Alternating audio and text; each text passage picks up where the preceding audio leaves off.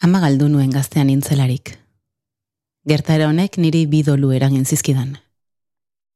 Lehenengoa, amaren eriotza ez onartze izan zen. Eta horrek, sentipen eta emozio guztiak ezkutatzera eraman zidan. Sentimentu denak ulokeatuz, mina ekidin nahi izan nuen. Urte batzutan barreneko sumendia lo mantentzea lortu banuen ere, egun batean dena lertu zen. Bigarren dolua iritsi zitzaidan bizigabeko emozio eta sentipen denak onartu, ulertu eta bizitzea tokatu zitzaidan.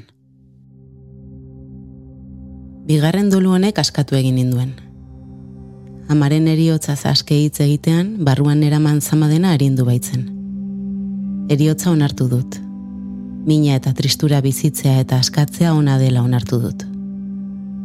Izan ere, doluan orberaren adenarren, kanporatu eta elkarbanatutakoan, pozaren ataria gertuago sentitu dezakegu. Naomi mendizabal naiz eta elkarrekin emango dugu gaurko urratsa.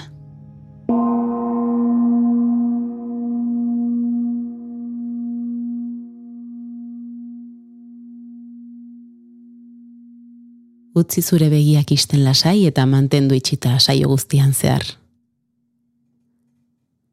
Sentitu zure ingurua zauden lekua.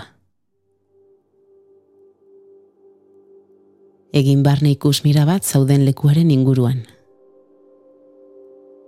Lau ormak, sabaia, lurra, zure gorputza, bertan etzanda edo eserita. Sentitu postura eroso batean zaudela egin behar dituzun mugimendu guztiak eroso egoteko. Zure lekua topatzeko. Oso garrantzitsua da eroso egotea. Erlaxatuta. Mugitzen baldin bazabiltza, saioan zehar lortu duzun erlaxazio egoera etengo duzu. Beraz, hartu denbora bat zure gorputza eroso eta lasai sentitzeko.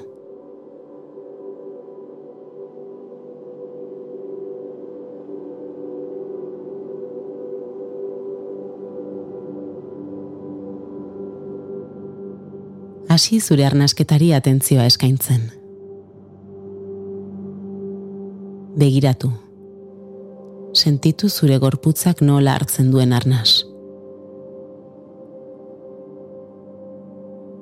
Begiratu zure arnasketa zeruan odeiak begiratzen dituzun modura.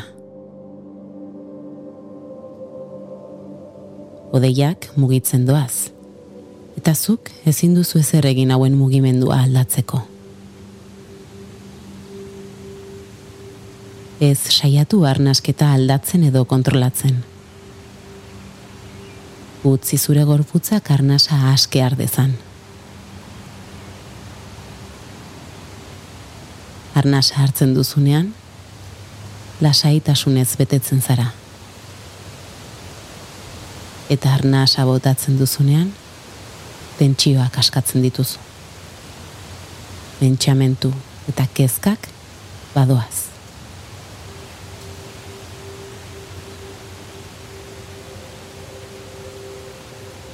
Jarraian, jarri harreta zure sudurrean, hasi sudurretik arna sartzen eta askatu haotik. Utzia izeden ateratzen.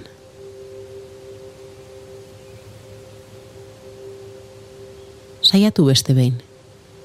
Hartu arnasa sudurretik eta askatu den dena otik. Sentitu nola ahoa eta matraila aske geratu diren.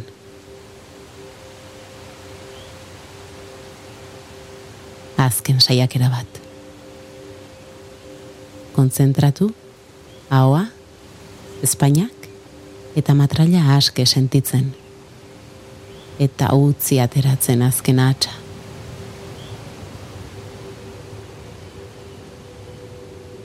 Jarraian, hartu eta bota arnasa sudurretik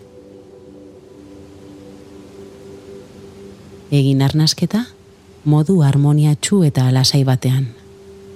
Isiltasunean. Artu arnasa poliki, eta joan askatzen, pixkanaka sudurretik. Errepikatu prozedura hau behin eta berriz.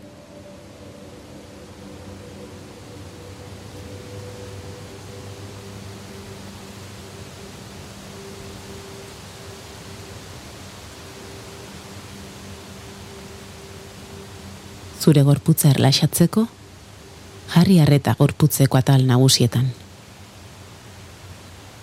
Sentitu oinak, zangoak, aldakak, bizkar osoa, sabela, bularra, besoak, eskuak. Eskutako atz bakoitza. Sorbaldak. Lepoa. Burua eta aurpegia. Begiak. Ahoa. Kopeta. Sentitu zure gorputz osoa eta errepikatu beharrein bat aldi zerrepaso osoa. Gorputz osoko errepasoa. Oinetatik burura eta burutik oinetara.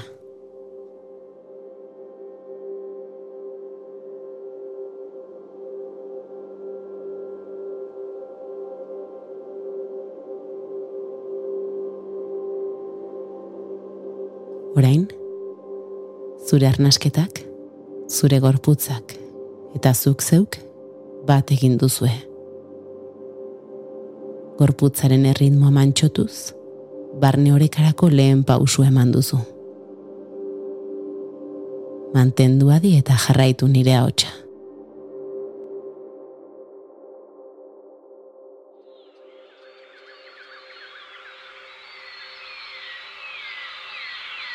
Imaginatu zure begi aurrean oian tropikal bat.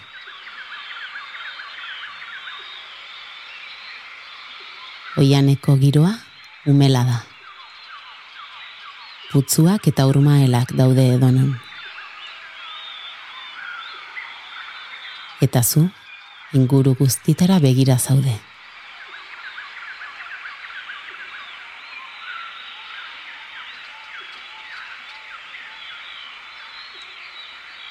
Oiana, lore eta zuaitz eksotiko osatua dago. Palmondoak, kokondoak, lianak.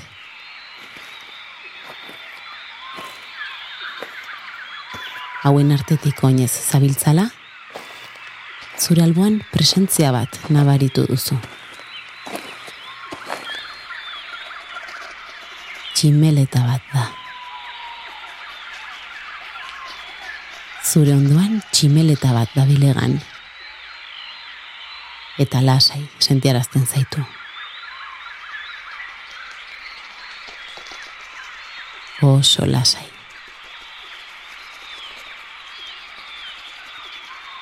Tximeleta ederra da. Kolore bizidun tximeleta da. Eta atxegin duzu. tximeletaren presentzia ezaguna zaizu. Beti zuralboan izan den norbaiten esentzia baitu. Sentitu tximeleta zure inguruan.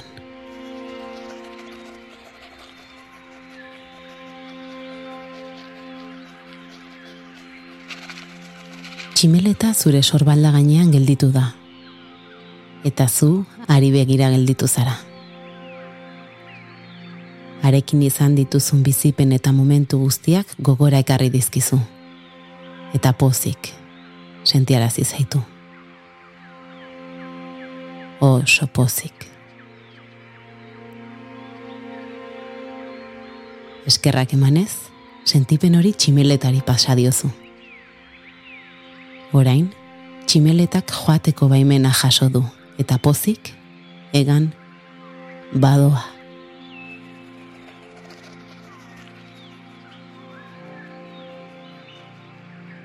Tximeleta badoa. Tximeleta joan da. Eta zu, lasai gelditu zara. Aurrera jarraituko duzu.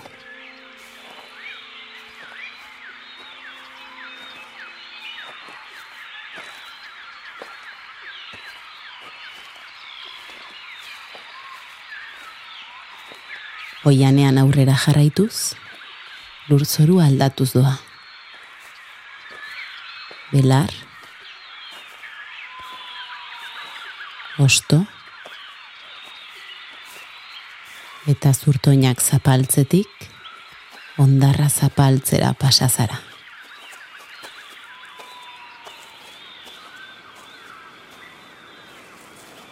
Bideska bat sortu da zure aurrean, oianaren babesa atzean utzi, eta ondartzaren mugagabetasunera atera zara.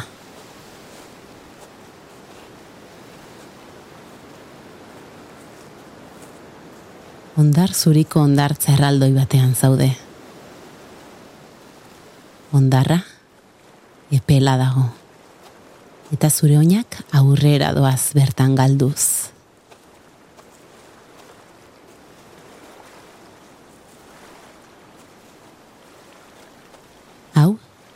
Sentsazio atsegina da. Oso atsegina. Itxasua bare bare dago. Eta zuari begira kokondo baten azpian neseri zara.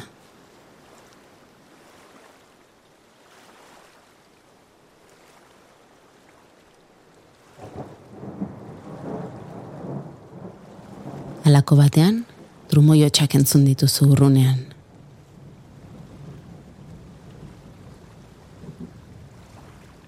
Zerua kolore txuriz estali da. Ekaitza dator.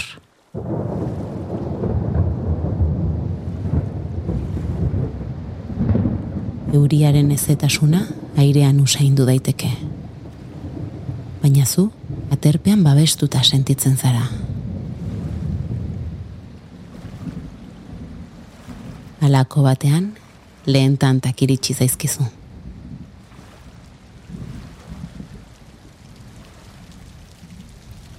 Eskuak luzatu eta hauek kitu nahi dituzu.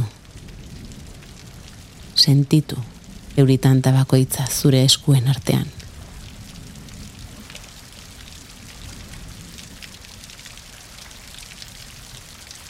Euria gero eta indartsua du. Ekaitza gainean da, eta besoak ateratzea erabaki duzu. Gorputza bustitzen hasi zaizu, eta zutitu eta kokondotik atera zara.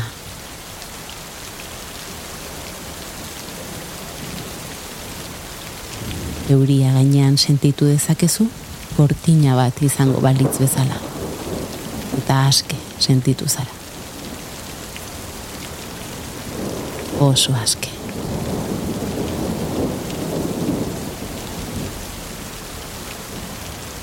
Ahoa zabaldu eta euriaren zaporea sentitu duzu espainetan. Freskagarria da.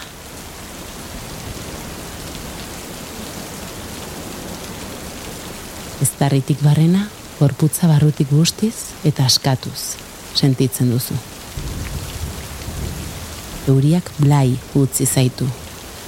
Bai barrutik, zein kanpotik. Eta sentsazio atsegina da. Oso atsegina.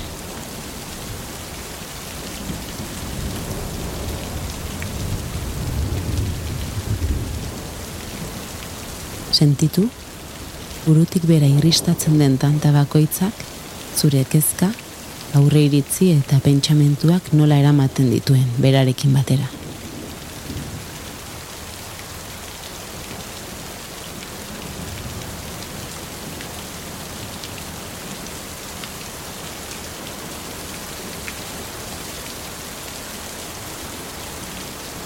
bizi zentsazio hau behar bezain beste.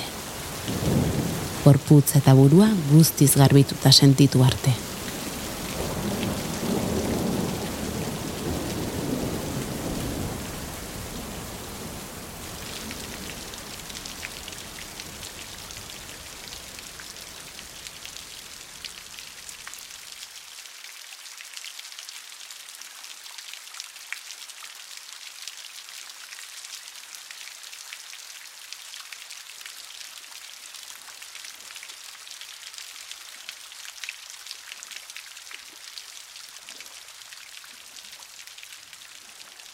Ekaitza gogorra izan da. Baina pasada. Eta zu, bizi berrituta utzi zaitu.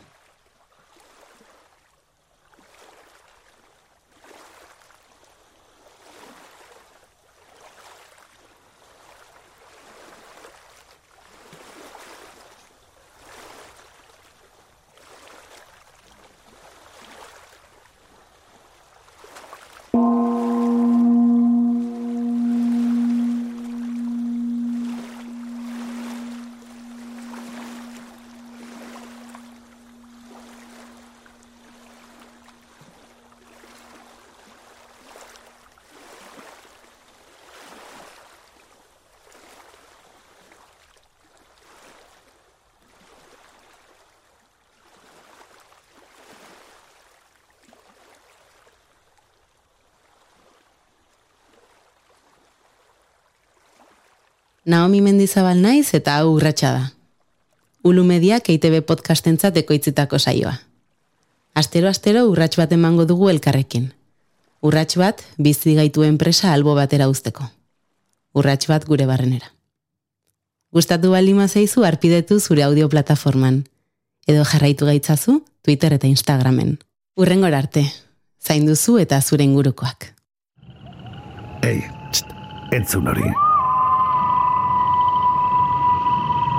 Ulu Media.